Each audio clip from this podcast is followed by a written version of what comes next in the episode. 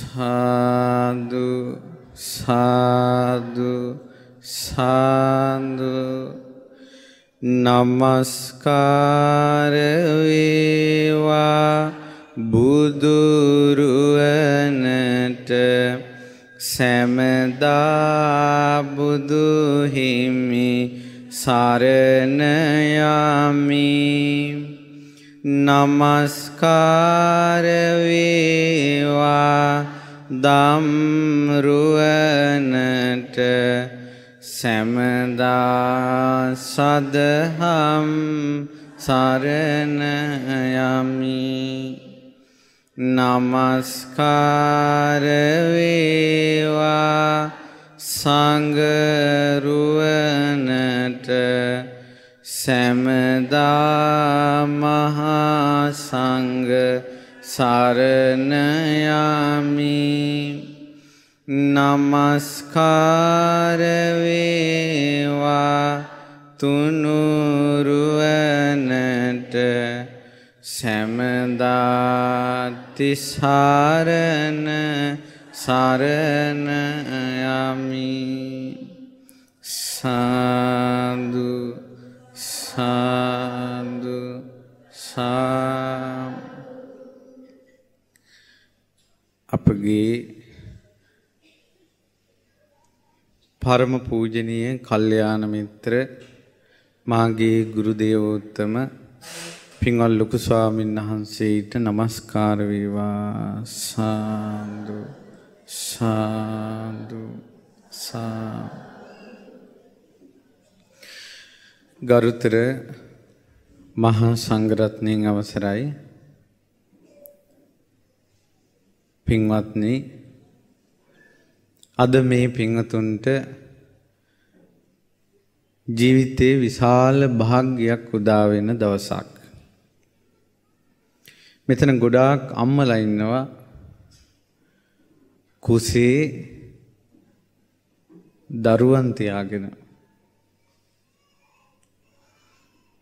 ඔය කුසේ ඉන්න දරුවන්ගේ ජීවිත ගැන ටිකක් අද ඔබට අහන්ට ලැබෙනවා.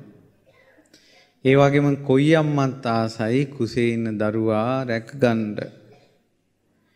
ඒ දරුවා රැකගන්න හැටිත් ආරක්ෂා කරගන්නා හැටිත් අද මේ බණට අහන්ඩ ලැබෙනවා. මේ ලෝකෙ මිනිස්සුયો සිතෙන් කයින් වචනෙන් වැරදි කරලා නිරේ උපදිනවා. නිරේ ඉපදිලා අප්‍රමාණ දුක් අන්දරාවක් විඳිනවා. විඳවනවා කියන්නේ ගින්නෙන් පිච්චෙනවා. ලෝදියෙන් පිච්චෙනවා. අප්‍රමාණ දුක්. සමහර නිරේවල් වල ආයුෂ තියෙනවා අන්තක් කල්පයක්. අන්තක් කල්පයක් කියන්නේ මිනිස්යාගේ ආයුෂ අවුරුදු 10 ඉඳලා අසංකීයට වැඩි වෙනවා. අසංකීයට වැඩි වෙලා ආපහු අවුරුදු 10ට බහිනවා. 10 ඉඳලා අසංකීයට වැඩි වෙලා ආය අවුරුදු 10ට බහින කාලෙට ගියනවා. අන්තක් කල්පයක් කියලා. සමහර නිරිසතුන්ගේ ආයුෂ අන්තක් කල්පයක්. මේ ලෝකෙ ඉස්සල්ලාම පහළ වුණ බුදුරජාණන් වහන්සේගේ කාලේ ආයුෂ කකුසඳ බුදුරජාණන් වහන්සේගේ කාලේ අවුරුදු 40000යි. ඊළඟට 30000යි කෝණගමන බුදුරජාණන් වහන්සේ කාලේ. ඊළඟ කාශ්‍යප බුදුරජාණන් වහන්සේ කාලේ අවුරුදු 20000යි. අපේ බුදුරජාණන් වහන්සේ කාලේ අවුරුදු 120යි. අඩු වෙවි අඩු වෙවි 10ට ගිහිල්ලා ආයෙත් අසංකේයයට වැඩි වෙනවා. යම් කාලෙක අවුරුදු 80000ට වැඩි වෙනවද? ආන්නේ කාලේ තමයි මෛත්‍රී බුදුරජාණන් වහන්සේ පහළ වෙන්නේ. එතකොට අද කාලේ කෙනෙක් නිරේ වැටුනොත් එහෙම ඔය අන්තක් කල්පයක් ආශ තියෙන නිරේට වැටුනොත් මෛත්‍රී බුද්ධ ශාසනයත් ඉවරයි. මම කියන්න ගිය එක නෙවෙයි ඔය නිරේ ඉඳලා අවුරුදු කෝටි කෝටි ප්‍රකෝටි ගාණක් කියලා කියන්නත් බෑ ඊටත් වැඩිය නිරේ ඉඳලා සසරේ පිනක් ඉස්මතු කරගෙන අම්මා කෙනෙක්ගේ බඩට එනවා. සමහර වෙලාවට මේ කල්පේම අම්මා කෙනෙක්ගේ බඩට එනවමයි.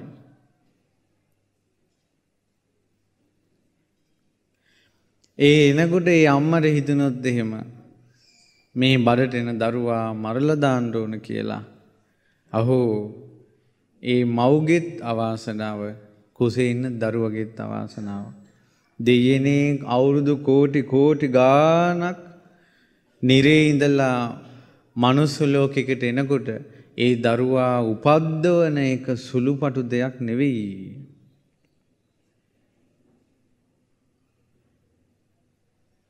උපද්දවන එක සුළුපටු දෙයක් නෙවෙයි. මව් පදවිය කියන්නේ සුළුපටු දෙයක් නෙවෙයි. ඒ මව් පදවිය විශේෂ දෙයක් කියලා කියන්න මං උදාහරණයක් කියන්න. ඔන්න අම්ම කෙනෙකුට දරුවෙක් ලැබෙනවා. ලැබිච්ච ගමම්ම ඒ අම්මා තවත් අම්ම කෙනෙකුට දෙනවා මේ දරුවා හදාගනින් කියලා. දැන් ඔන්න හදාගන්න අම්ම ඉතාමත් ආදරෙන් හදාගන්නවා. පුද්දුම සෙනෙහසක්. දරුවා බිම තියන්නේ ඔහොම කාලයක් යනකොට අර වදපු අම්ම බලන්නේවත් නෑ දරුවා දිහා. කාලයක් ගියාට පස්සේ අර දරුවා රෞද්‍ර වෙනවා. නපුරු වෙනවා. යකෙක් වගේ වෙනවා. මේකා අතට අවියායු දැරම් මිනිස්සු මරලා දානවා. මරලා දානකොට මෙයා හදාගත්ත අම්මත් මෙයාගේ අතින් මැරෙනවා. මිනිස්සු මරමරා යනකොට වදාපු අම්මත් මැරෙනවා. දැන් කියන්න බලන්ඩ අම්ම කෙනෙක් මැරුවොත් ඊළඟ විපාකමකක්ද. කල්පයක් කල්පයක් නිරේ. එදර කල්පයක් නිරේ යන්නේ හදාගත්තු අම්ම මැරුවොද්ද වදපු අම්ම මැරුවොද්ද.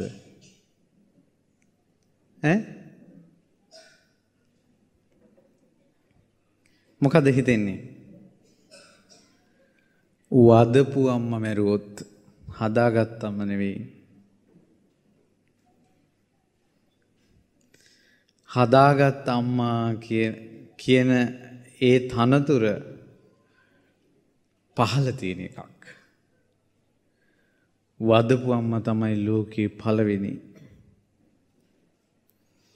ආදරේ කලඳක් නොදුන්නත් කිරි කලඳක් නොපෙව්වත් දෑස් ඇර දරුවා දෙස නොබැලුවත් තුරුලට හොවා නොගත්තත් ඒ දරුවා අතින් අර අම්මා මැරුණොත් කල්පයක් නිරේ. දරුවා බිහි කළ අර්ථෙන් අම්මා වෙනවා. මේ ලෝකේ කාන්තාවෝ කෝටි තුන්සිය පණහක් ඉන්නවා. ඒ තුන්සිය පණහාටම බැනගෙන බැනගෙන ගියයි කෝටි තුන්සිය පණහකට. ඒත් අම්මාට තමන් වදපු අම්මට වචනයක් කිව්වොත් අර කෝටි තුන්සිය පණහාටම බැන්නට වැඩි කර්මයක් සකස් වෙනවා. උත්තර කියලා ස්වාමීන් වහන්සේ නමක් උල උඩ තිබ්බා. දැන් උලේ ඉන්නේ භාග්‍යතුන් වහන්සේ දේශනා කරනවා දැක්ක දෙව්ව සසරේ ස්වභාවය. කලින් අම්මත් එක්ක රණ්ඩු වෙලා අම්මට කියලා තියෙනවා මේ උඹ උල තියන්න වටිනවා. අම්මට කියලා උඹ උල තියන්න වටිනවා කියලා. ඒ කියපු වචනයට සසරේ උල උඩ මැරෙනවා. ධර්මය නොදන්නා නිසා අද කාලේ දරුවෝ කොච්චර පව් කරගන්නවද අම්මලාට තමන්ගේ පවර පෙන්වන්න ගිහිල්ලා. තාත්තලාට තමන්ගේ පවර පෙන්වන්න ගිහිල්ලා.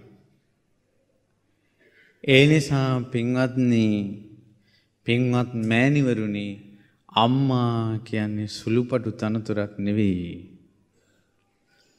දරුවෙක් බඩේ තියාගෙන ඉන්නවා කෙනෙකු සුළුපටු දෙයක් නෙවෙයි. ඒ උත්තරීතර බව රැකගන්න.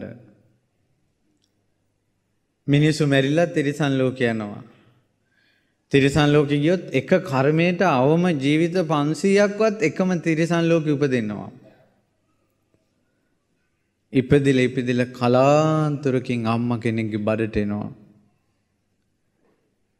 ඒ අම්මා ඒ දරුවා බිහි කළොත්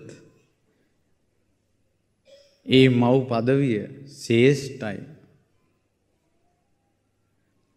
ඊළඟට ප්‍රේත ලෝකවලත් යනවා සත්වයෝ. කලාතුරකින් බොහෝ ලොකු පිනක් ඉපදිලා ලොකු කර්මයක් ගෙවලා අම්ම කෙනෙක්ගේ බඩට එනවා. මනුස්ස ලෝකෙමුත් මිනිස්සු චුත වෙනවා. මැරිලා ගිහිල්ලා අම්ම කෙනෙක්ගේ බඩට එනවා. දිව්‍ය ලෝකෙත් යනවා සත්වයෝ.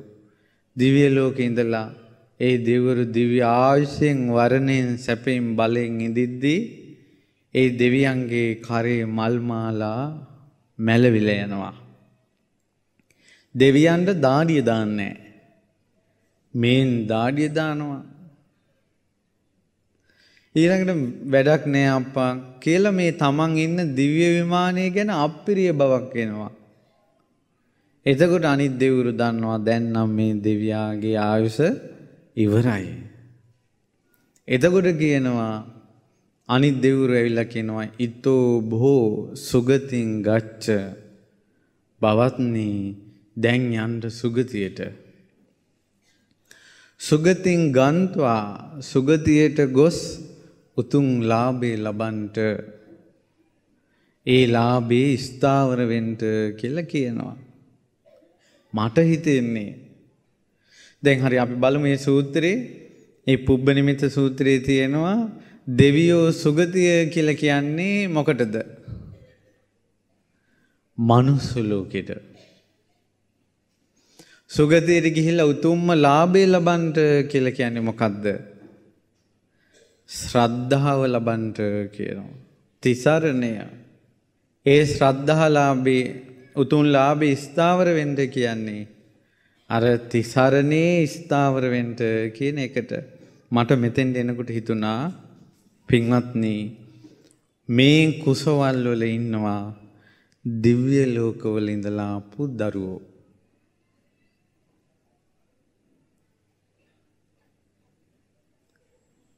ඇයි එහෙම කියන්නේ? බඩේ ඉද්දිම්ම බුදු බණ අහනවා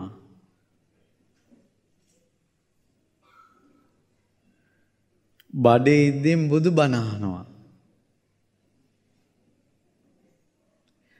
ඒ නිසා මේ ඉපදෙන දරුවා ඇත්තටම යම් පරයායකින් මටත් වැඩිය පින්වන්තයි. ඇයි මං අම්මාගේ බඩේ ඉද්දින් අපේ අම්මට බුදු බණ කිව්වේ නෑ කවුරුවත්.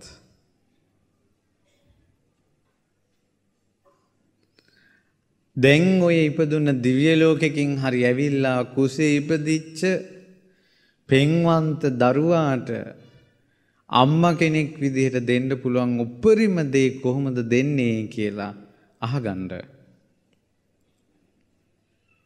ඒ තමයි බුදුරජාණන් වහන්සේගේ කාලේ අවුරුදු 16ක විතර හරි ලස්සන රාජකුමාරයෙක් හිටියා. ඒ රාජකුමාරයාගේ නම බෝධි රාජකුමාරයා. මේ බෝධි රාජකුමාරයා විවාහ වුණා. අවුරුදු 16න්. අවුරුදු 3ක් 4ක් 5ක් හිටිය දැන් අවුරුදු 20ක් 21ක තරුණේ විවාහ වෙලා දැන් අවුරුදු ගණනාවක් දරුවෙක් නැහැ. මේ බෝධි රාජ කුමාරයා භාග්‍යතුන් වහන්සේට දානෙට ආරාධනා කළා. කරලා මේ බෝධි රාජ කුමාරයා පොඩි වැඩක් කළා. ඒ තමයි බුදුරජාණන් වහන්සේ දනට වඩින මාවතට සුදු රෙද්දක් එළුවා.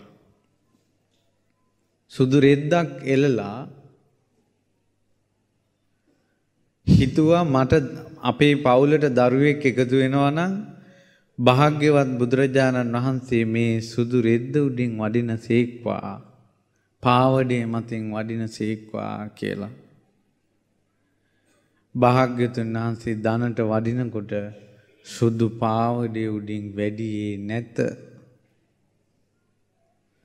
ස්වාමීනී වඩින සේක්වා භාග්‍යතුන් වහන්සේ වැඩියේ නැත. ස්වාමීනී වඩින සේක්වා භාග්‍යතුන් වහන්සේ වැඩියේ නැත. බුදුරජාණන් වහන්සේට පුළුවන් මේ පාවඩයක් දාලා තියෙනකොට මේ පාවඩේ එළපු කෙනාගේ හිත පේනවා. මේ පාවඩේ හදපු කෙනාගේ හිත පේනවා.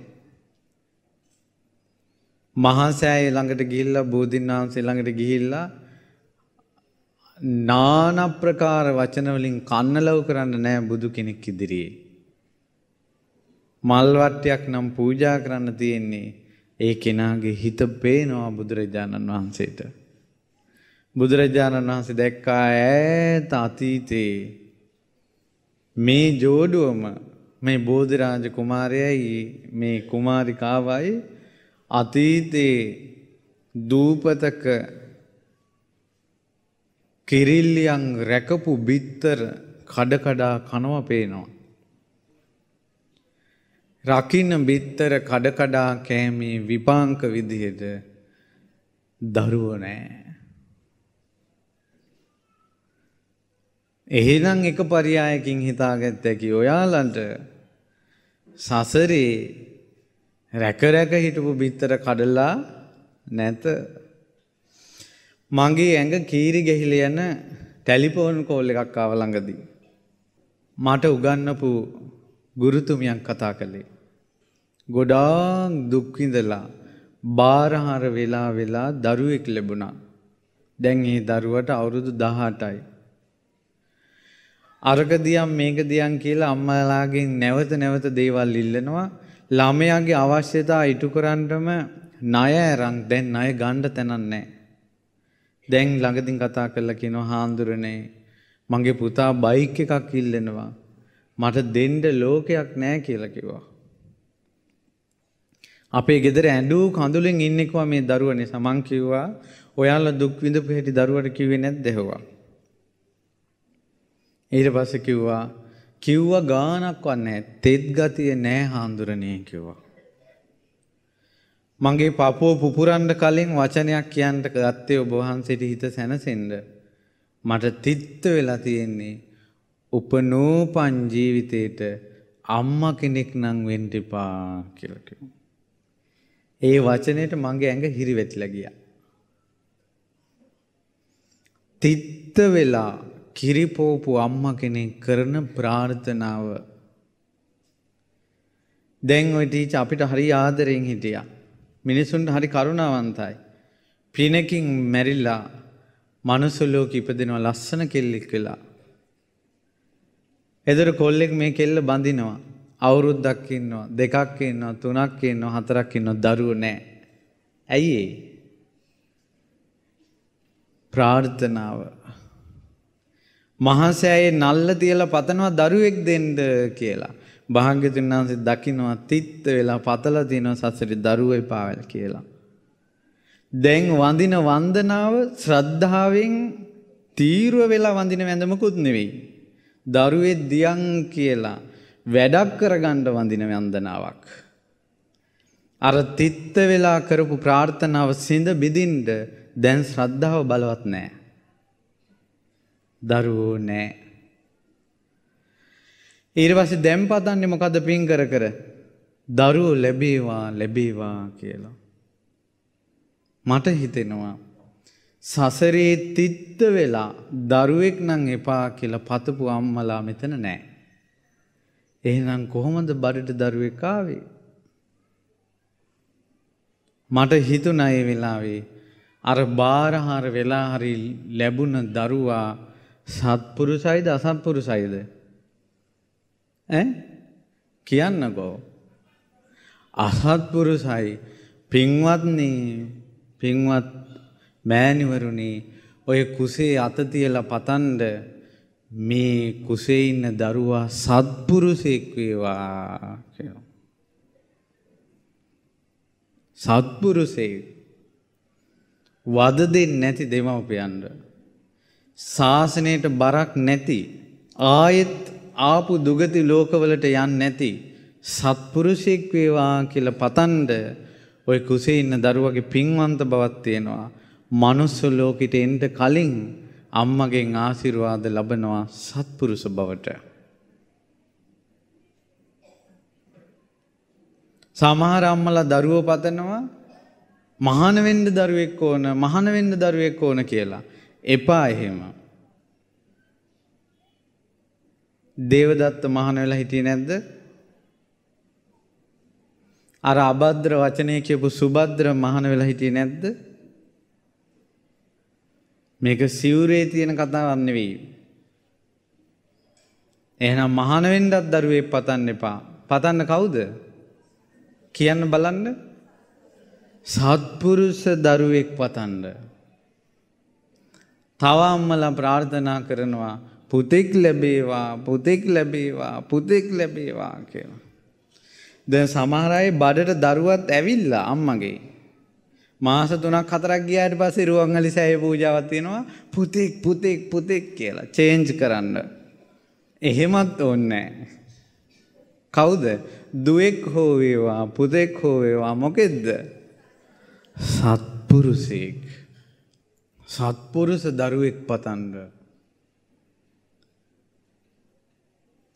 කුසේ ඉන්න දරුවට සමහර වෙලාවට අපිම අපේ පිහිටට ඉන්න අපිට සැනසිල්ලක් දෙන්න දරුවා බඩේ ඉන්නේ. සෙත් පතන්නේ දරුවට සත්පුරුෂ වේවා කියලා. ඊට පස්සේ බෝධිරාජ කුමාරයා ධර්මය ඇහුවා. ධර්මය අහලා ඉවරලා අවසානයේදී ප්‍රීතියෙන් බලාගෙන ඉන්නකොට ළඟ ඉන්න යාළුවා කියනවා මෙච්චර බණ කියද්දිනුත් ඇයි උඹ කියන්නේ නැත්තේ? එයි බෝධිරාජ කුමාරය මම බුදුන් සරණ යනවා කියලා කෑ ගහලා කියපන් කිව්වා. ඊට පස්සේ කියනවා ප්‍රිය මිත්‍රය මං අම්මගේ බඩේ ඉන්නකොට මගේ අම්මා බුදුරජාණන් වහන්සේගෙන් ධර්මය ඇහුවා. මේ ඔයාලා වගේ. ඒ කාලේ ඉතින් පින්වන්තයි බුදු කෙනෙක්ගෙන් ධර්මය අහන්නේ.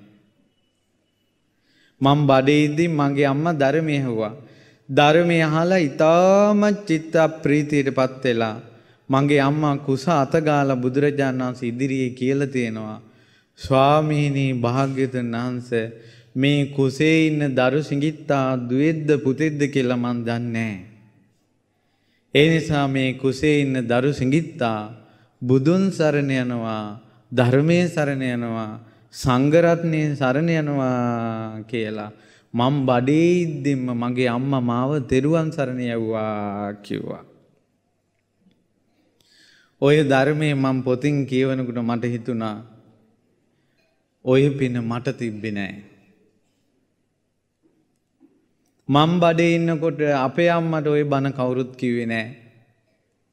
කිව්වේ නැති නිසා මම බඩ ඇතුලේ ඉන්නකොට අම්මා බඩ අත ගාලා මගේ දරුවා තෙරුවන් සරණ යනවා කියලා කිව්වේ නෑ. කියන්න උන්දට කියලා දෙන්න කෙනෙක් හිටියේ නෑ. ඔබේ දරුවා ඒ පරියායෙන් අපිට වැඩිය පින්වන්තයි. දැන් ඔබට පුළුවන් ඔබගේ කුසේ අත තියාගෙන මේ කුසේ ඉන්න දරු සිඟිත්තා බුදුන් සරණ යනවා ධර්මයේ සරණ යනවා සංඝරත්නයේ සරණ යනවා කියලා තෙරුවන් සරණ යවන්න. ඒ පරියායනුත් ඒ දරුවෝ පින්වන්තයි. ඊට පස්සේ කියනවා ප්‍රිය මිත්‍රය මං ඉපදුනාට පස්සේ මගේ ආච්චි අම්මා මාව වඩාගෙන බණ අහනවා. ධර්මයේ ගැන ඉතාමත් පැහැදීමට පත් වුණ මගේ ආච්චි අම්මා බුදුරජාණන් වහන්සේ ළඟට ගිහිල්ලා මාව ඔඩොක්කුවේ තියාගෙන කියලා තියෙනවා ස්වාමීනි මේ ඔඩොක්කුවේ ඉන්න දරු සිඟිත්තා. මේ බෝධිරාජ කුමාරයා බුදුන් සරණ යනවා ධර්මයේ සරණ යනවා ආර්ය මහා සංඝරත්නයේ සරණ යනවා කියලා. මාව ඔඩොක්කුවේදීන් ආච්චි අම්මා මාව තෙරුවන් සරණ යවුවා කියලා කිව්වා. ඔය බණ ටික කියවනට මට ආයෙත් හිතුණා. අනේ ඔය ලාභය අපිට ලැබුණේ නෑනේ කියලා. අපේ ආච්චිලාට ඕවා කියලා දෙන්න කවුරුත් හිටියේ නෑ. අපේ ආච්චිලා අපි ඔඩුක්වී තියාගෙනත් හවඩිය හෙව්වා. ආච්චිලා අපිව ඔඩොක්වී තියාගෙන පෙට්ටගම් දිහා බලනවා.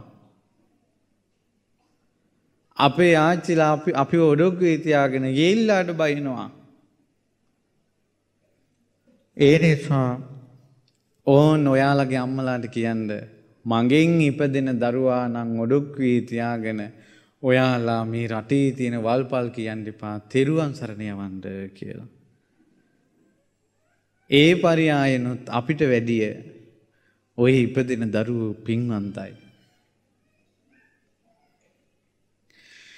ඊළඟට කියනවා බෝධිරාජ කුමාරයා ප්‍රිය මිත්‍රය දැන් මම භාග්‍යතුන් වහන්සේගෙන් ධර්මය ඇහුවා. මන් තුන්වෙනි වතාවටත් බුදුන් සරණ යනවා ධර්මයේ සරණ යනවා සංඝරත්නයේ සරණ යනවා කියලා තෙරුවන් සරණ ගියා. අපිට ඕක විතරයි ඉතුරුනේ.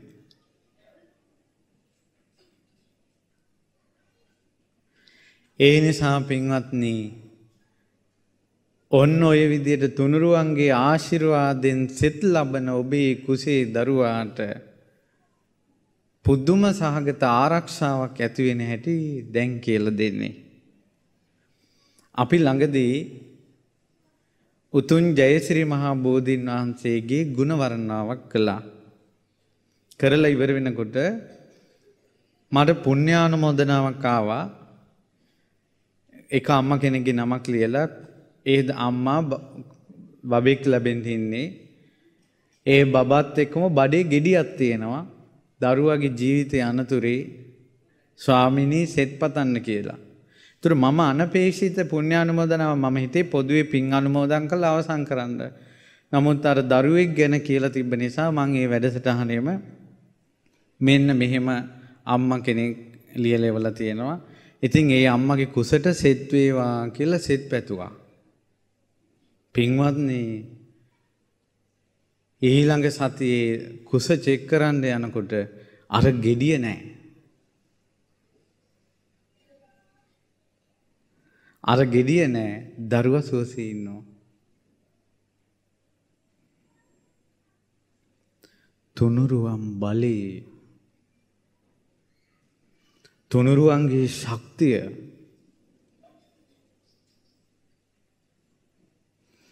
ඊට පස්සේ ඔය වගේ සිද්ධි ගොඩයි ඊට පස්සේ ආය සිද්ධියක් මේ සිද්ධ වුණා එක පවුලකට ළමයි කුසේ ඉපදිලා දරුවා ලැබෙන්න යනකොට අම්මට හොඳටම මාරු වුණා 99න් අම්මා බේරගත්තා. බේරගත්ත බේරගත්තට පස්සේ දරුවත් යාන්තම් බේරගත්තා. වෛද්‍යවරු තරේ අවවාද කළා කවදාවත් ආයි ළමයි හදන්න එපා. එක්කෝ අම්මා මැරෙනවා නැත්තම් දෙන්නම මැරෙනවා. ඊට පස්සේ මෙයාලා පවුලේ අය පරිස්සම් වෙලා හිටියා. පරිස්සම් වෙලා ඉන්නකොට කාලයක් ගියා මෙයාලා දන්නෙත් නෑ. බඩට දරුවෙක් ඇවිල්ලා මාස 3යි. මුළු පවුලම බය වුණා. බය වෙලා ඇවිල්ලා ඒ අය හැබැයි තෙරුවන් සරණ ගිය අය. ඇවිල්ලා අපිට කිව්වා ස්වාමීනි මෙන්න මෙහෙම එකක් තියෙනවා අපිට සෙත් පතන්න කියලා. මං කිව්වා කුසදරු අම්මලාට මුනිවරයෙක් ඉන්නවා. කුසදරු අම්මලාගේ දුක් දුරු කරවන මුනිවරයා කවුද? කවුද? අංගුලිමාල මහරහතන් වහන්සේ. මං කිව්වා අංගුලිමාල මහරහතන් වහන්සේට උදේ හවස වඳින්න කිව්වා. අංගුලිමාල මහරහතන් වහන්සේට පැන් ඊදුරුවක් තියන්න බුද්ධ බුද්ධ පූජාවට අමතරව උදේට වන්දනා කළා පිරිත් කියලා අවසර අරන් පැන් වීදුරුව වෙනම වාජනයකට ඇරලා අරන් අඟුලිමාල මුනිදුන්ගේ ආනුභාවයෙන් සෙත් වේවා කියලා ඒ පැන් ටික අම්මා බොන්න කිව්වා. උදේට පැන් ටිකක් තියන්න හවසට පිරිත් කියලා අවසර අරන් වෙන වාජනයකට අරන් පැන් ටික බොන්න කිව්වා. ඊට පස්සේ දස මාස වෙනකොට දසමා මේ දරුවා ලැබෙන්න ලං වෙනකොට අංගුලිමාල පිරිත කිව්වා හැමදාම අංගුලිමාල පිරිත කියනවා. ඊට පස්සේ ගියා නුවර. නුවර ගිහින් ඇයි මේක මේ සීරියස් කේස් එකක්. ඊට පස්සේ වෛද්‍යවරු කිව්වා තව සතියක් තියෙනවා බබා ලැබෙන්න. නිසා මේ ඇතුලේ තියෙන මේ මේ ප්‍රශ්නත් එක්ක තව ටික දවසකින් එන්න කියලා ආපහු එව්වා. අර ලෙඩා. එවපු දවසේම අමාරු නරෑ. හදිසියට ගමේ ස්පිරිතාලට ගෙනිච්චා. ගමේ ස්පිරිතාලෙදිම දරුවා ලැබුණා. හවස ගෙදර ආවා. මොන ඔපරේෂන්වත් නැහැ. අංගුලිමාල මහරහතන් වහන්සේගේ තේජස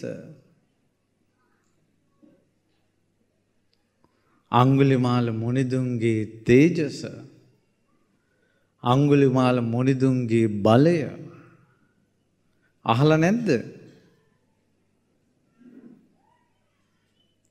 අංගුලිමාල යම් දරුවෙක් අම්මගේ බඩෙන් ඉපදෙනකොටම ඒ පැත්තෙම තිබ්බ ආවිධ දිලිසුනා.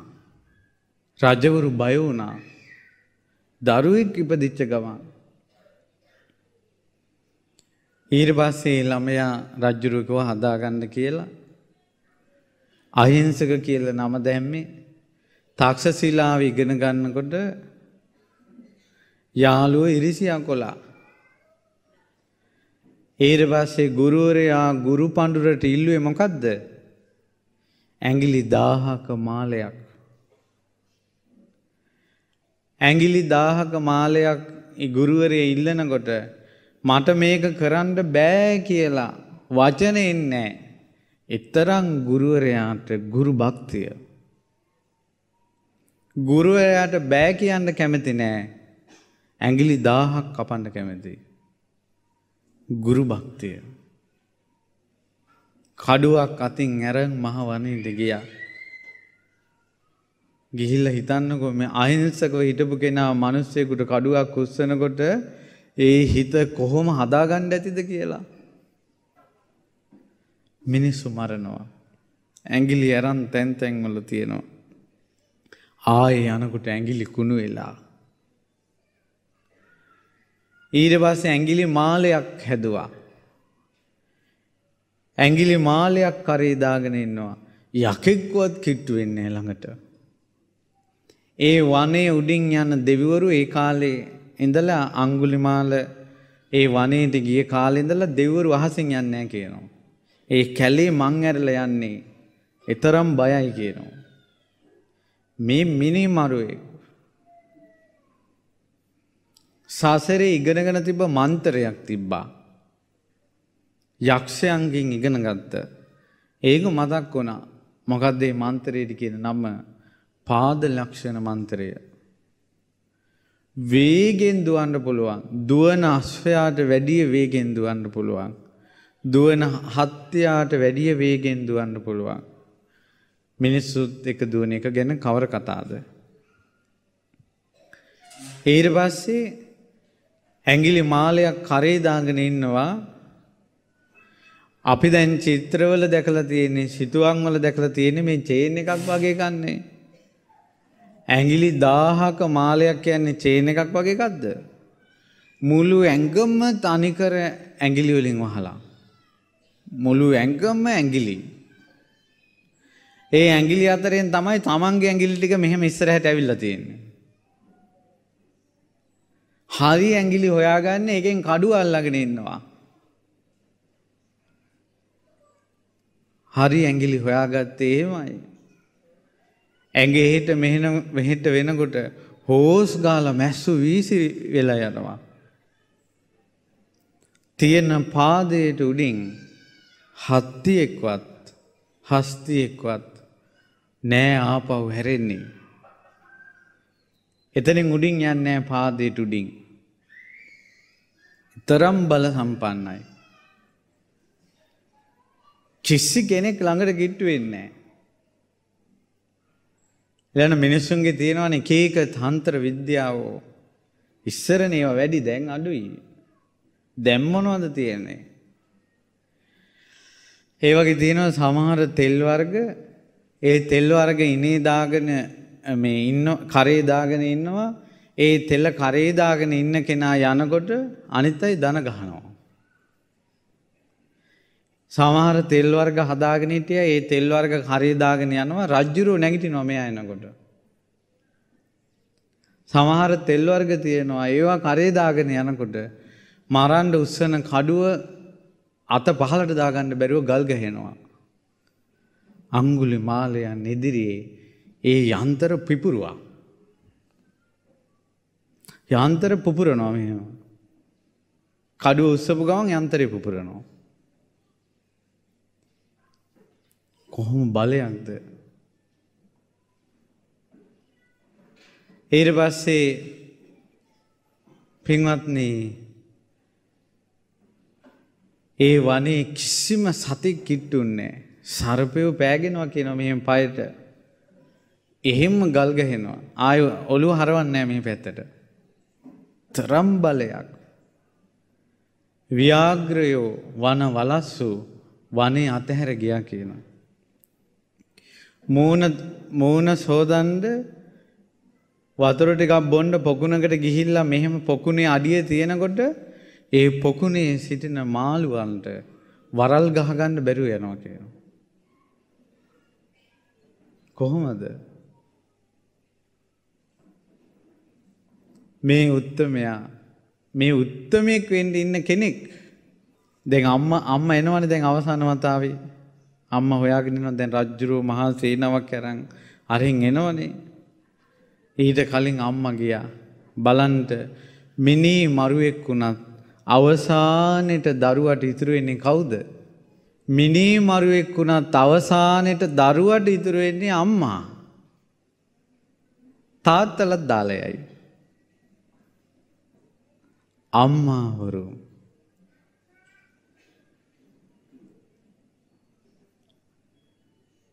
සමහර ප්‍රශ්නවලට මම මැරුණත් කමන්නෑ කියලා අම්මලා අදත් ඉදිරිපත් වෙනවා. ඒ වගේ තමයි කඩුවක් අතී තියාගෙන ඉන්න දරුවෙක් හොයාගෙන යනවා. අම්මා කෙරෙක්. ඊට පස්සේ භාග්‍යවත් බුදුරජාණන් වහන්සේ දුටුවා අවුරුදු 12ක් මිනී මරපු කර්මය නිවනට බාධාවක් වෙන්නේ ඒත් අම්මාට අනතුරක් වුණොත් ඒ කර්මයේ නිවනට බාධා වෙනවා කියලා තමයි අම්මා මුණ ගැහින්න කලින් බුදුරජාණන් වහන්සේ වැඩියේ. මිනිස්සු කියනවා ශ්‍රමණයන් වහන්සේ වඩින්ට එපා. ශ්‍රමණයන් වහන්සේ වඩින්ට එපා. මේ වාගේ සොරෙක් ඉන්නවා සිය ගණන් මිනිස්සු ගියත් මරලා දානවා කියලා. භාග්‍යතුන් වහන්සේට බියතති ගැනීම හටගන්නේ නැහැ. බුදුරජාණන් වහන්සේ දුටුව පමණින් අංගුලිමාලට හිතුණා අද්භූතයි නෙව ආශ්චර්යයි නෙව මේ මාවතේ සිය ගණන් දෙන ආවත් මාව මරලා දාන එකේ මේ තනි ශ්‍රමණයෙන් කොහොමද මේ එන්නේ කියලා හිතුණා. කඩුවක් අමෝරාගෙන යොදුන් තුනක් දිව්වා කිලෝමීටර විදියට ගත්තොත් කිලෝමීටර 30ක් කිලෝමිටර් 30ක් දුවනවා කියන්නේ කොහොමද? කොච්චර කාය බලයක්ද? මට අල්ලන්න බෑ කියලා හිතෙන්නේ නෑනේ. කිලෝමීටර් 30ක් ගිය තැන සිටිවිල්ලක් ආවා. මෙයා නම් අල්ලන්න බෑ කියලා. ඊට පස්සේ තමයි කිව්වේ නැවතියන් කියලා. ඊට පස්සේ කිව්වා මං නැවතිලා ඉන්නේ. අඟුලිමාල ඔබත් නවතින්න. මං සසරේ ප්‍රාණඝාතය අත්හැරලා සසරේ යන කර්මය නවත්තලා තියෙන කෙනෙක්. ඔබ ප්‍රාණඝාතයේ යෙදෙනවා ඔබ සසරේ යන කෙනෙක්. එක වචනෙන් තමන්ගේ සම්පූර්ණයෙන්ම පාපකාරී ජීවිතය අත්හරින්න තරම් ඒ අත්හැරීම බලවත්. එක වචනෙන් අත්හරිනවා කියන්නේ අපිට කොහොම දෙක වචනෙන් අත්හරින්න පුළුවන්ද? ලොකු දෙයක් ඕනේ අතේ තියෙන අර අඟල් හතරක පහක ටෙලිෆෝන් එක අත්හැරපන් කියලා කියනට අත්හරින්න පුළුවන්ද? අද ඉන්න කොල්ලෝ කෙල්ලෝ අම්මා තාත්තා අත්හරි ටෙලිෆෝන් එක අත්හරින්නේ නැහැ.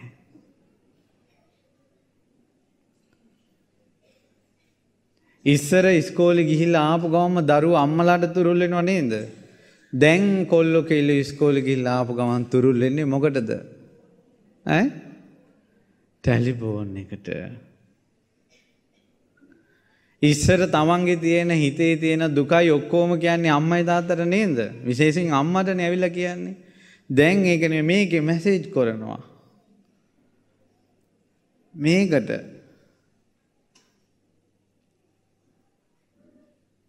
හරියට ටෙලිෆෝන් එකෙන් වැදුවා වගේ.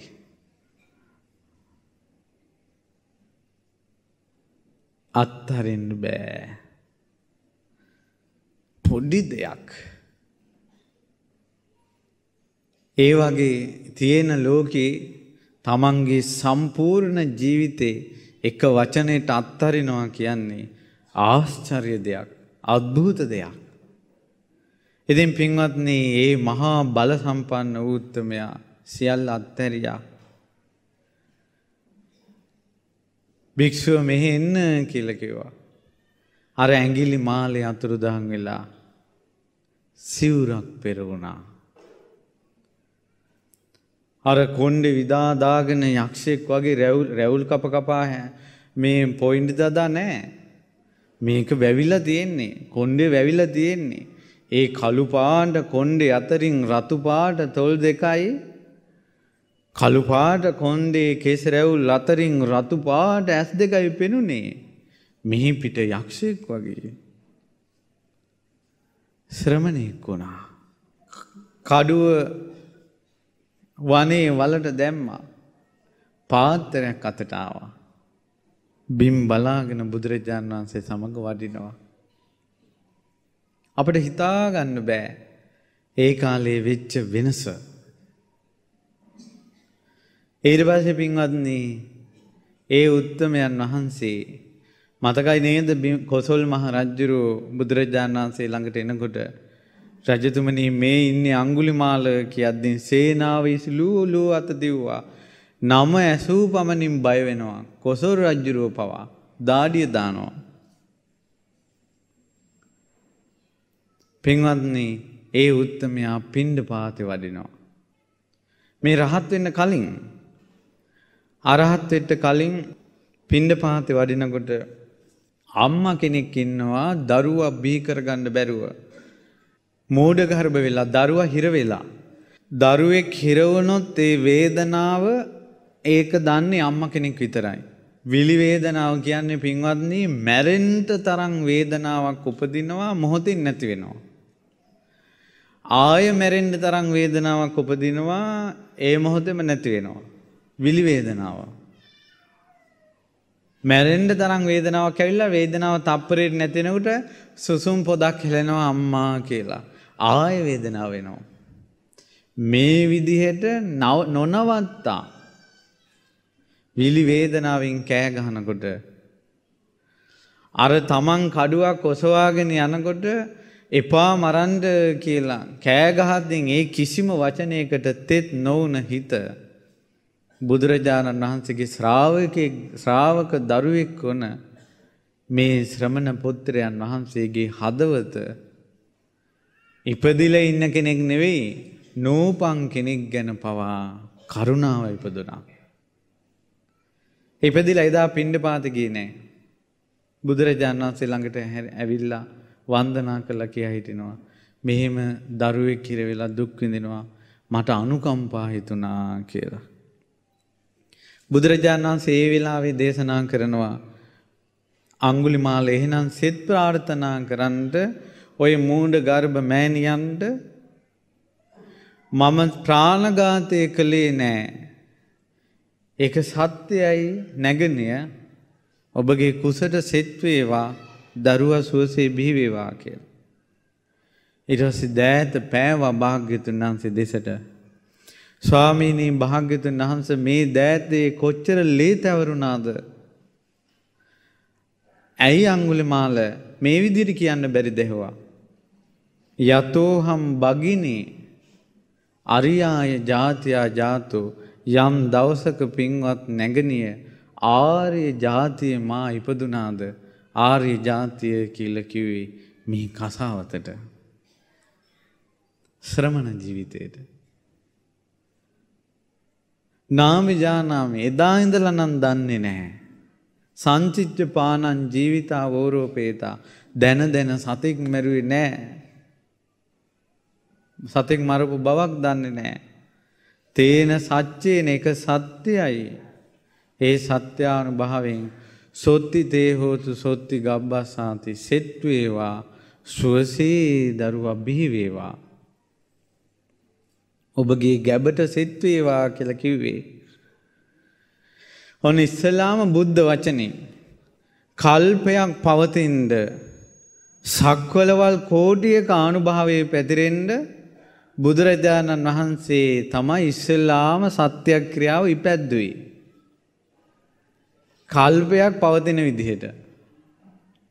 අනාගතයේ මෛත්‍රී බුද්ධ ශාසනයෙත් සුවසේ දරුවෙක් බිහිවෙන්ඩ අංගුලි මාල මුනිදුන්ගේ සත්‍යක්‍රියාවෙන් සෙත් පතාවී. සක්වල කෝටියක් කියන්නේ මේවාගේ සක්වලවල් කෝටියකින් එහා අම්ම කෙනෙකුට දරුවෙක් බිහි කරගන්න බැරි නම් ඒත් අංගුලි මාල මුනිදුන්ගේ සත්‍යක්‍රියාව සිහි කරනකොට ඒ ගැබ ආරක්ෂා වෙනවා. අංගුලි මාල මුනිදුන් වැඩියා. තවම රහත් වෙලා නෑ. ඊට පස්සේ එළියේ තිබ්බා ගල් ආසනයක්. ඇතුලේ අම්මා ඉන්නවා කෑගගා. ඊට පස්සේ කිව්වා පින්වත්නි මං දැන් සෙත් පතන්නම්. ඒ අම්මට අහගෙන ඉන්න කිව්වා. ඒ කලබලේ නෙවෙයි පඩ පඩ පඩ පඩ ගාලා කලබලේ නෙවෙයි. මෙහෙම කිව්වා. පින්වත් නැගණිය මම ආර්ය ජාතිය ඉපදුන දවසේ ඉඳලා දැන දැන සතෙක් මැරුවේ නෑ. ඒ සත්‍යානුභාවෙන් සෙත් වේවා. සුවසේ දරුවා බිහි කරත්වා කියලා අවසාන අකුර කියලා ඉවර වෙනවත් එක්කම ධර්මාසනයකින් බහින්න ධර්මදේශකයාණන් වහන්සේ නමක් වගේ සුවසේ දරුවා ඉපදුනා. අම්මට වේදනාවකුත් නැහැ, දරුවට වේදනාවකුත් නැහැ. කුසදරු අම්මලාට සුවසේ දරුවම් බිහි කරන එකම ආරක්ෂාව මේ අංගුලිමාල පිරිතයි. දැම්ම පුරුදු කරගන්න. මේ දරුවා කුසේදිද්දි මේ රේඩිවල යන සින්දුවලට තාලාල්ලල්ලා ඉන්න එපා. අහල පහල ගෙවල් වල ගෑනුන්ගේ වචනවලට මෙහින් පද බැඳ බැඳ ඉන්න එපා. අංගුලිමාල පිරිත කියන්න. බය වෙන්න එපා මුනිවරයෙක් කරපු සෙත් ප්‍රාර්ථනාවක්. සමහර අම්මලා බයයි මාස 3න් අඟුලිමාල පිරිත කිව්වොත් මාස 3න් දරුවා ලැබෙයි කියලා. මේක මහා මුනිවරයෙක් අනුකම්පාවෙන් කරපු සත්‍යක්‍රියාවක්. පින්වත්නි අඟුලිමාල මුනිදුන්ගේ බලය කියන්නේ උන්වහන්සේ ඒ සත්‍යක්‍රියාව කළේ ගල් ආසනයක ඉඳලා නේද? පරිත්තං යම් බනන්තස්ස නිසින්නට්ටාන දෝවනං උන්වහන්සේ පිරිත් කියපු ආසනයේ උදකම්පි විනාසේති සබ්බමේව පරිස්සයන් ඒ ඉඳගෙන හිටපු ආසනයේ සෝදලා පැම්බිව්වොත් සියලු පීඩා නැති වෙනවා කියනවා. ඒ ආසන විශාල ගල් ආසනයක් කොච්චර හෝදලා මිනිස්සු පැම්බීලා තියෙනවද කියනවනම් අද ගල් ආසනේ නෑ. ඒ කුටි අදටත් තියෙනවා. ගල් ආසනේ නෑ. හෝදලා පැම්බීලා සොත්තිනාගබ්බ උට්ඨානං යංච සාදේති තංකනේ. කුසදරු අම්මලාට මේ අංගුලිමාල පිරිත සිහි කරපු සැනින් සියලු පීඩා නැති වෙන දුක් නැති වෙනවා. එහෙනම් කුසදරු අම්මලාට තියෙන මහා දිව්‍ය ඖෂධය තමයි මේක. තේරස් සංගුලි මාලස්ස ලෝකනාථේන භාසිතං ලෝකනාථයන් වහන්සේ අංගුලිමාල මුනිදුන්ගේ මේ සත්‍යක්‍රියාව කප්පට්ටායි මහාතේජං කල්පයක් පවතීවා කියලා අධිෂ්ඨාන කරලා තියෙන්නේ. ඒ නිසා කුසට දරුවෙක් ආපු අම්මා කෙනෙක් පොඩ්ඩක්වත් බය වෙන්න ඕනේ මේ සරණේ පිහිටලා ඉන්නවා නම් අංගුලිමාල මුනිදුන් කෙරෙහි පැහැදිලා නම් නම සිහි කළත් ඇති. නම සිහි කළත් ඇති. අංගුලිමාල මොනිදුන්ගේ ආනුභාවයෙන් සෙත් වේවා කියලා. එහෙම සෙත් ලබන්ට ওই කුසේ ඉන්න දරුවාන්ට ලොකු පිනක් තියෙන්න ඕන. පිනක් ඇති දැන් මුලින්ම කිව්වා දරුවා ගැන පතන්න කියලා මොකද්ද? සත්පුරුෂයෙක් වේවා කියලා.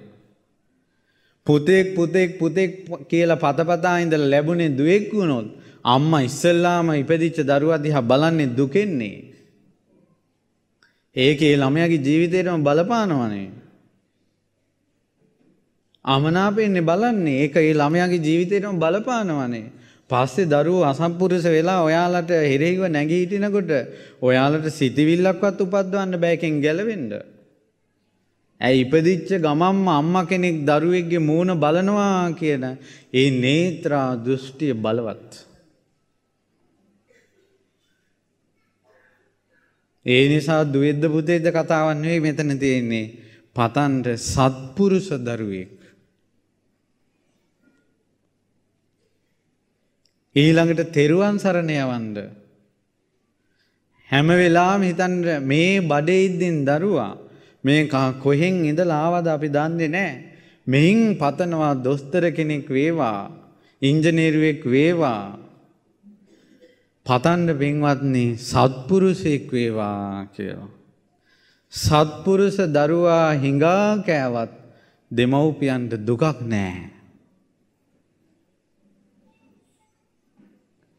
අසත්පුරස දරුවා දොස්තර කෙනෙක් වුණත් දෙමව්පියන්ට ගින්නක්. අසත්පුරස දරුවා රජ කෙනෙක් වුණත් දෙමව්පියන්ට ගින්නක්. සත්පුරුෂ දරුවා අම්මගේ නේතරෙන් කඳුළු වැටෙනවට කැමති නෑ. සත්පුරුෂ දරුවා අම්මාගේ හදවත පිච්චෙනවට කැමති නෑ. සත්පුරුෂ දරුවා අම්මාගේ නේතරෙන් වැටෙන කඳුල පිහදානවා. සත්පුරුෂ දරුවා අඬන අම්මට සැනසිල්ලක් දෙනවා. අසත්පුරුෂ එහෙම නෑ අරක දියන් මේක දියන්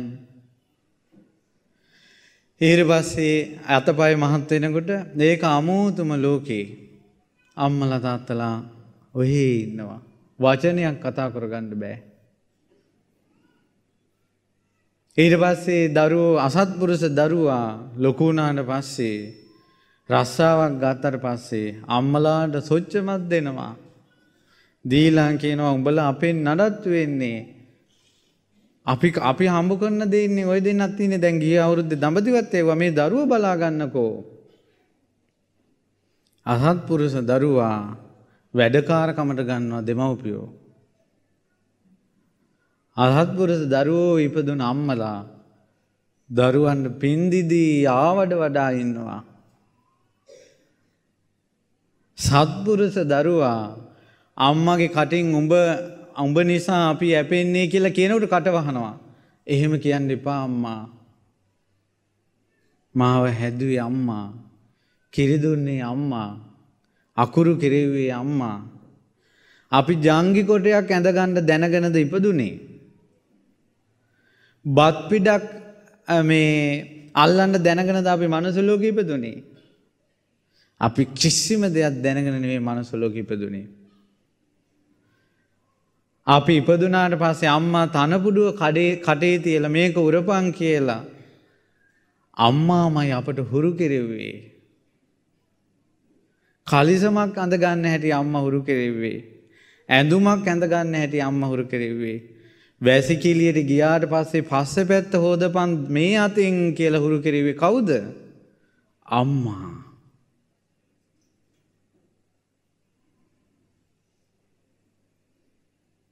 අම්මලා එහෙමයි. දහසක් දුක්ගිනි තියාගෙන දරුවා පෝෂණය කරන්නේ අම්මා දරුවන්ට දුක දෙන්නේ ඒ නිසා ඔය දුක තේරෙන දරුවෙක් හදන්න ඒ දරුවාට කියන නම තමයි මොකද්ද? පුතාද දුවද කවුද කියන්නේ නම? සත්පුරුෂයා. මෙතන ඉන්නවනම් මේ අම්මලා දරුවෝ ගැන කියනකොට දරුවන්ට ආස දරුවෝ පතන නිකන් සමයන් නටනටා එක එක ප්‍රාර්ථනා කරන්න එපා. සත්පුරුෂ දරුවෙක් පතන්න. ඉල්ලන්න සත්පුරුෂ දරුවෙක් දුවෙක් වුණත් කවන්නේ පුදෙක් වුණත් කවන්නේ. දැන් ඉදිරියට තියෙන්නේ තෙත් ගතිය නැති ලෝකයක්. තෙත් ගතියක් නැති ලෝකෙ ඉපදෙන්නේ තෙත් ගතියක් නැති එවුන්. හැබැයි සත්පුරුෂයාගේ ප්‍රධාන ලක්ෂණයක් තමයි තෙත් ගතිය. ඒ නිසා පතන්ට සත්පුරුෂ දරුවෙක්. ඒ සත්පුරුෂ දරුවාට මුනිවරයෙක්ගේ ආශිර්වාදය ලබල දෙන්න. අංගුලි මහල මොනදුන්ගේ ආශිර්වාදේ. ඔය පින්වන්ත දරුවෝ අම්මලාගේ බඩට එනකොට දිවිය ලෝකෙකින් ආවනං හොඳ ලෝකෙකින් ආවනං ගොඩා කරදර තියෙනවා. ඒත් අංගුලි මාල මුනිදුන්ගේ නම සිහිකරපු පමණින් යක්ෂයන්ට පවා දාඩිය දානවා. මම අහලා තියෙනවා වෛශ්‍රවණ දිවිරාජයට තියෙන ඉරිදියක්. වෛශ්‍රවණ දිවිරාජයට තියෙන ඉරිදියක් තමයි ඒ වෛශ්‍රණ දිවිරාජයාට නේ ඉර්දි නේත්‍රයක් මවාගෙන පාණ්ඩු පිසාචයන් දිහා දානව රාක්ෂසයන් දිහා අර ඉර්දි නේත්‍රයෙන් බලන්න පුළුවන් කියනවා. එතකොට ඒ යක්ෂයන් පිසාචයන් රත් වූ කබලට වැටුණ අබවාගේ පුපුරනවා කියනවා ඒ වෛශ්‍රණ දිවිරාජයාගේ දිවි ඉර්දියට. එහෙව් වෙසමුණි රජ්ජුරුවන්ට ඉස ඔසවල අංගුලිමාල මහරහතන් වහන්සේ දිහා බලන්න බෑ කියනවා. බිම්බලාගෙන කියනවා වැඳගෙන ඉන්නේ.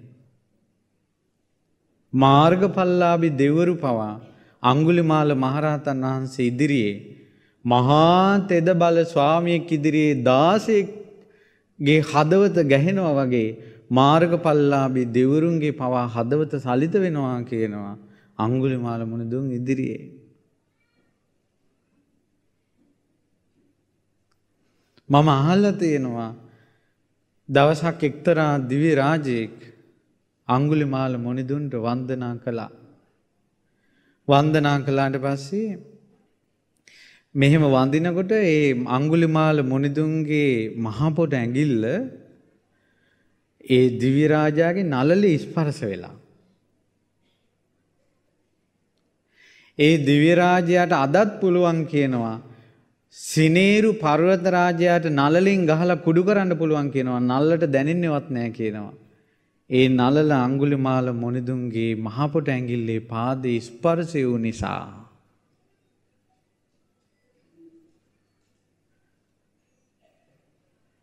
කොච්චර ආනුභාවයක්ද.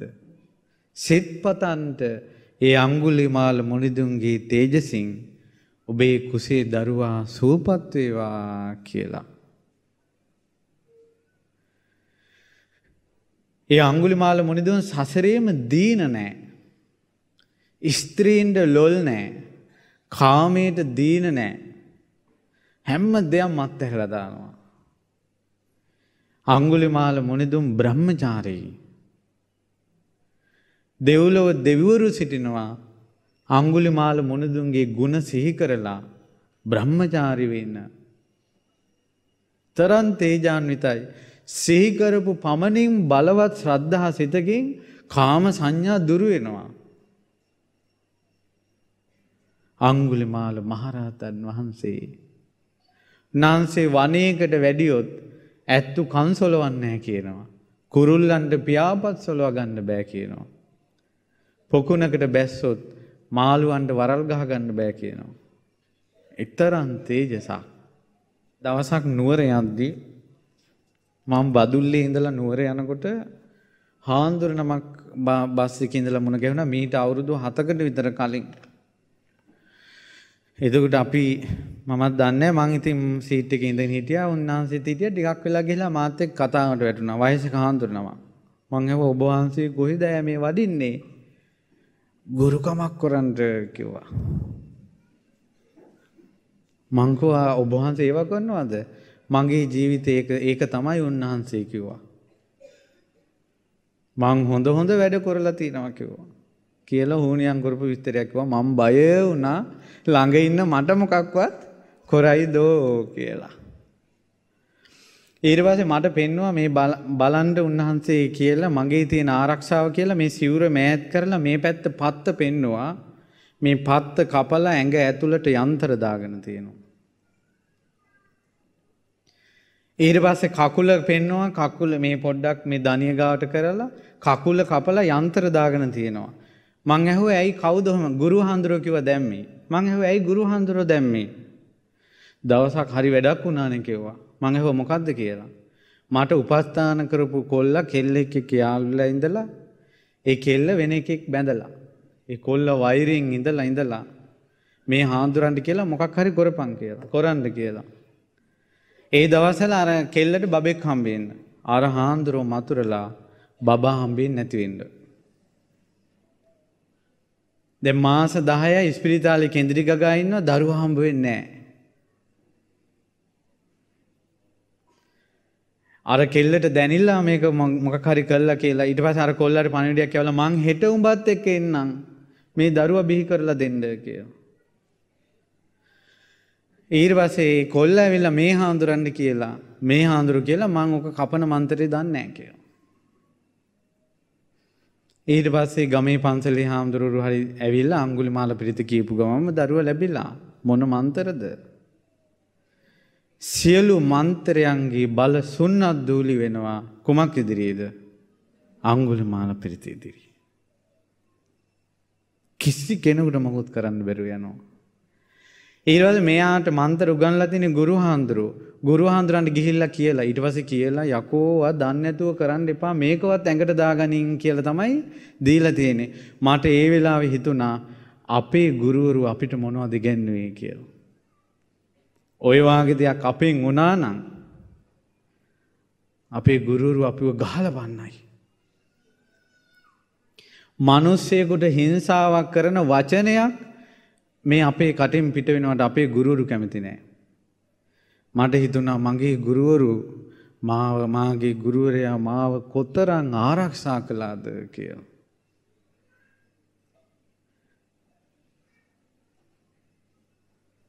දැක්කද ආචාර්ය සම්පත්තිය. දැන් ඒ හාමුදුරුවන්ට සම්පූර්ණයෙන්ම ওই පාපේ රැස් කරගත්තේ ගුරු හාමුදුරුවෝ නිසා නේද? බලන්න සත්පුරුෂයෙක්ගේ ඇසුරක් නොලැබෙන එක අහෝ සත්පුරුෂයෝ ලෝකෙට පහළ වෙන එක කොච්චර හොඳද? අනවින කළා විනාශ කරන්න ගුරුවරු ගෝලයන්ට උගන්වද්දී අපිට ඒ සියල්ල අභිඹවා යන ධර්මයක් උගන්වනවා. ඒකයි සත්පුරුෂ ඇසුරු කියන්නේ. දැන් මේ අඟුලිමාල පිරිතෙන් ආරක්ෂාවක් ගන්න හැටි අපිට කල්යාණ මිත්‍ර ඇසුරෙන් නේද මේ ලැබෙන්නේ? ඒකයි. ඒ නිසා ඔය කුසේ සිටින දරුවාන්ට සිත් පතන්ද සත්පුරුෂ ඇසුර ලැබේවා කියලා. එනිසා ඔය කුසේ සිටින දරුවාට සෙත් පතන්ඩ පුතේ උඹ මං අත්තහැරියත් මගේ අම්ම අත්තහැරියත් සත්පුරුෂෙක් නං අත්හරින්ට පාන් කියලා. අහෝ ඔයවාගේ සිතිවිලි තියෙන අම්ම කෙනෙක්ගෙන් ඉපදෙන දරුවා නන් සුළුපටු පින්වන්තෙන් නෙවෙයි. ඇයි ඔහොමත් පැතිල්ලක් පතන්නේ සත්පුරුෂකමමනේ. කියනවා අම්මත් හැරියක් කමන්නේ තාත්තත් හැරියක් කමන්නේ සත්පුරුෂයත් හරින්න එපා කියලා. ඒ ශක්තිය ඒ දරුවාගේ වටා ඒ ශක්තිය ඒ දරුවාගේ වටා වජ්‍රමය මංජුසාවක් වගේ තියෙයි. දියමන්ති මංජුසාවක් ඇතුළේ ඉන්නා වගේ තියෙයි ඒ දරුවා. කිසි කෙනෙකුට දරුවට අත තියන්න බෑ. කොහොමද ප්‍රාර්ථනාව? ඒකයි. ඒ නිසා හැම වෙලාවම තෙරුවන් ගැන සිහි කරන්න. භාග්‍යතුන් වහන්සේගේ ආනුභාවය සිහි කරන්න. ශ්‍රී සද්ධර්මයේ ආනුභාවය සිහි කරන්න. ආර්ය මහා සංඝරත්නයේ ආනුභාවය සිහි කරන්න. අඟුලිමාල මුනිදුන්ගේ ගුණ සිහි කරනවා කියන්නේ සරණ නේද? ඔය දිග ඉගෙන ගන්නකොට හිතුන්නේ නැද්ද කිසි බයක් නෑනේ අප්පා කියලා හිතුන්නේ නැද්ද? අඟුලිමාල පිරිත දන්නවනම් අඟුලිමාල මුනිදුන්ට පැහැදිලා නම් කිසි බයක් නෑනේ කියලා හිතුන්නේ නැද්ද? සරණ කියන්නේ බය නැතිවීමට කියන නම. නැත්තං ඉන්නේ කෑමක් දුන්නත් මෙවුම් මේකට මොනවත් දාලා දෙයිද. බඩ ඉන්න දරුවට මොනහරි කොරයිද. දරුවට හානියක් වෙයිද කියලා හැම වෙලාම අම්මල බයෙන් ඉන්නේ. ඒ සරණක් නැති නිසා. දැම් මම කිව්වා සත්පුරුෂ ප්‍රාර්ථනාවත් තියෙන අංගුලිමාල මුනිදුන්ගේ තේජසින් සෙට් පතපු දරුවා වජ්‍රමය මංජුසාවක් ඇතුළ ඉන්න කියලා. වජ්‍රමය මංජුසාව කියන වජ්‍ර කියන දියමන්ති ලේසියෙන් කඩන්න බෑ. බයෙන් දෙපා සරණක් තියෙනවා. අනේ මගේ දරුවට මොනහරි වෙයිද කියලා හිතපු ගමන් අඟුලිමාල මුනිදුන් සිහි කරන්න. අම්මලොයි පඩිපෙල්වලින් වටනකොට පඩිපෙලක් එහෙම වෙලා ඉක්මනට වැටෙන්න යනවා. ඒකට බැම්ම අල්ල ගන්නවා. ඒ වෙලාවෙ ඉඳලා ගින්නේ ඉන්නේ බඩ ඇතුළට මොකක් වුණාද දන්නේ නැහැ කියලා. ඉක්මනට බඩ අල්ලගෙන සිහි කරන්ද අඟුලිමාල මුනිදුන්ගේ ආනුභාවයෙන් සිත් වේවා කියලා. සම්බුදු බලයෙන් සිත් පතන්න. පසේබුදු බලයෙන් සිත් පතන්න. රහතුන්ගේ තේජසින් සිත් පතන්න. ඒ දරුවෝ පින්වන්තයි. බය වෙන්න එපා සරණක් තියෙනවා. ඊළඟට කුසේ ඉන්න දරුවා තෙරුවන් සරණ යවලා නැති අම්මලා දැන් මෙතෙන්ට එන්න පණ තිබ්බනම් යන්න මහසෑයද මහසෑ ඉදිරියේ මේ කුසේ ඉන්න දරුවා සත්පුරුෂයෙක් වේවා කියලා පතන්න. කුසේ ඉන්න දරුවා බුදුන් සරණ යනවා ධර්මයේ සරණ යනවා සංඝරත්නයේ සරණ යනවා කියලා සරණ යවන්න. කුසේ ඉන්න දරුවට අඟුලිමාල මුනිදුන්ගේ තේජසින් සෙත් වේවා කියලා පතන්න. මා අම්මයි තාත්තයි අත්හැරිය සත්පුරුෂයෙක් නම් අත්හරින්න එපා කියලා සත්පුරුෂ ඇසුර පතන්න. ඒ දරුවට ඉෂ්ට දේවතා අනුග්‍රහය ලැබෙනවා. අම්මා කෙනෙකුගේ ආශිර්වාදය. මේ ලෝකේ මාස දහයක් බිමතියන්නේවත් නැතුව උත්සගෙන ඉන්නේ නෑ කවුරුවත් මන ජීවියෙක්. එක මොහොතක් බිම තියන්න නැතුව තවත් ජීවියෙක් උස්සගෙන ඉන්න සතෙක් මේ ලෝකේ නෑ. ඒත් අම්මා කෙනෙක් දරුවෙක් බඩේ උස්සගෙන ඉන්නවා මාස 10ක් මොහොතක් අයින් කරන්නේ නැතුව. ඒක තමයි මේ ලෝකේ අපූර්ව ධර්මතාවය. ඒ නිසා ඔබගේ ප්‍රාර්ථනාව දරුවාට එකතු වෙනවා. ඉතින් ඒ නිසා පින්වත්නි උතුන් තුනුරුවන්ගේ අනන්ත ආශිර්වාද බලයෙන් අංගුලිමාල මුනිදුන්ගේ තේජසින් ඔබටත් ඔබේ කුසේ දරුවාටත් සෙත්වේවා කියලා ආශිර්වාද කරනවා. ඉතින් ඒ නිසා අංගුලිමාල මහරහතන් වහන්සේට වන්දනා කරලා දරුවට සිත ප්‍රාර්ථනා කරමු. කියන්න මං කීවට පසුව සාදු සාදු සාදු සියලු සතුන් හට අනුකම්පා ඇති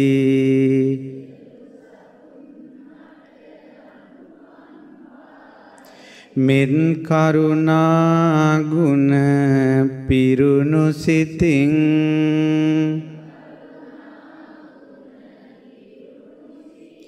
වැඩ සිටි අංගුලි මාල තෙරුන් හට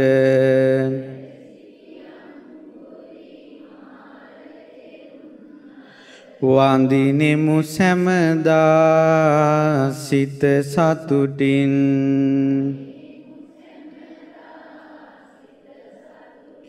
මැනවින් ඉඳුරන් දමනය කොට නිති.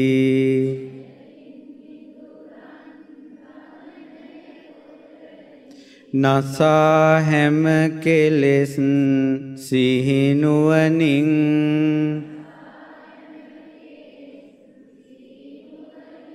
වැඩ සිටි අංගුලි මාලතෙරුන් හට.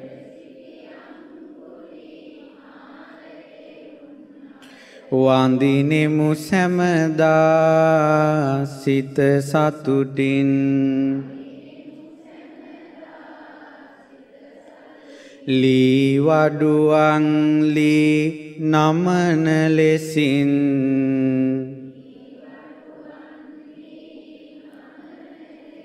තම සිත දමනය කළ නුවණින්. වැඩ සිටි අඟුලි මාල තෙරුන් හට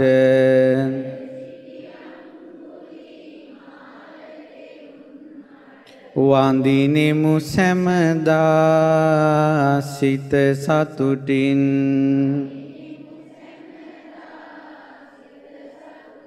වඩුවන් ඊ ඇද හරින ලෙසින්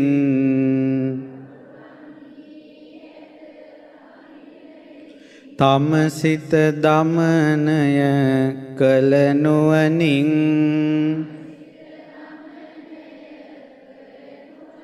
වැඩ සිටි අඟුලි මාල තෙරුන් හට.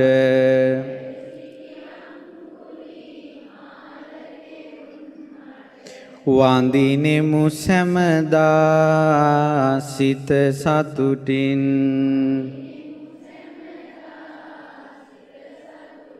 බයක් සැකක් කිසි නොමැති සිතින්.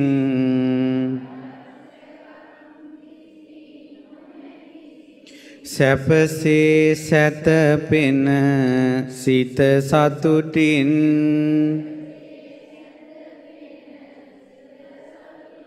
වැඩ සිටි අඟුලි මාල තෙරුන් හට වඳිනෙමු සැමදා සිත සතුටින්.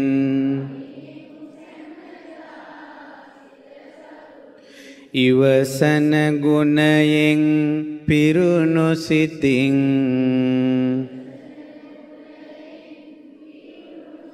සැප දුක සම ලෙස රැගෙන නිතින්.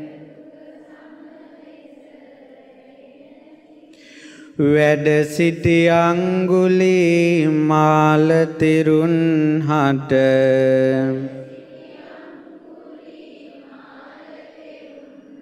වඳිනෙමු සැමදා සිත සතුටින්.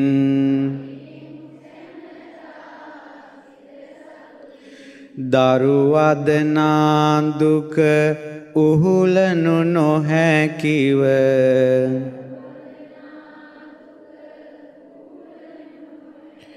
හඩනා මව් වෙත කුළුණු සිතින්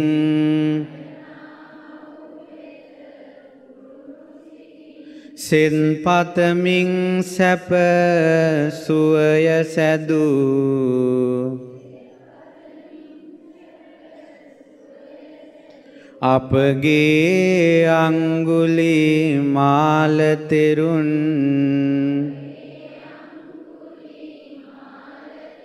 වඳිනෙමු සැමදා සිත සතුටින්.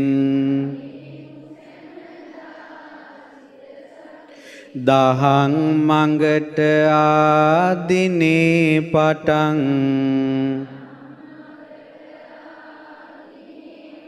කිසි සතෙකුට නොකලෝ හිංසා.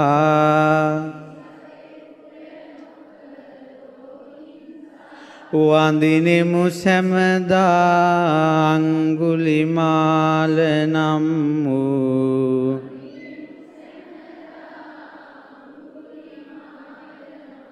අපගේ මුනිදුන් සිත සතුටින්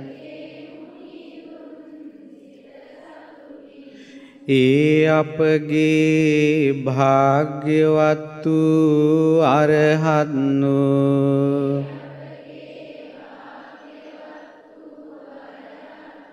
සම්මා සම්බුදු රජාණන් වහන්සේගේ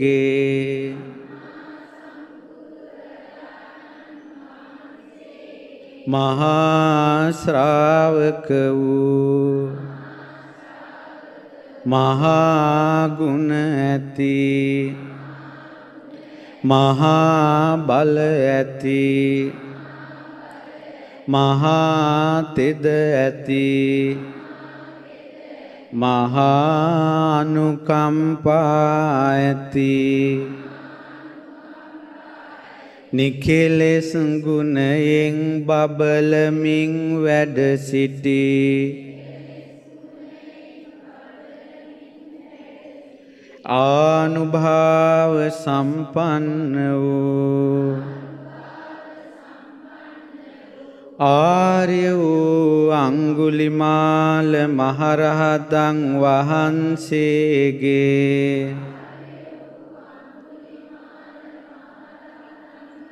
මහා කරුණා බලයෙන් ආනුභාව බලයෙන්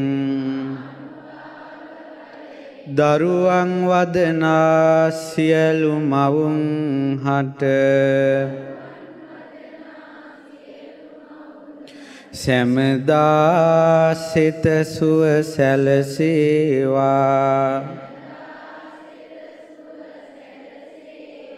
අලුතින් උපදින සෑම බිලිඳුන් හට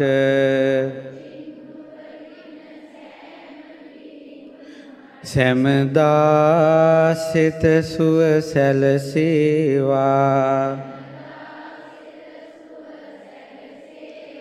අපගේ සිඟිති දූදරුවන් හට සැමදා සිත සුව සැලසේවා. සියලු සතුන් හට සැමදා සිත සුව සැලසේවා. සාදු සාදු. 啊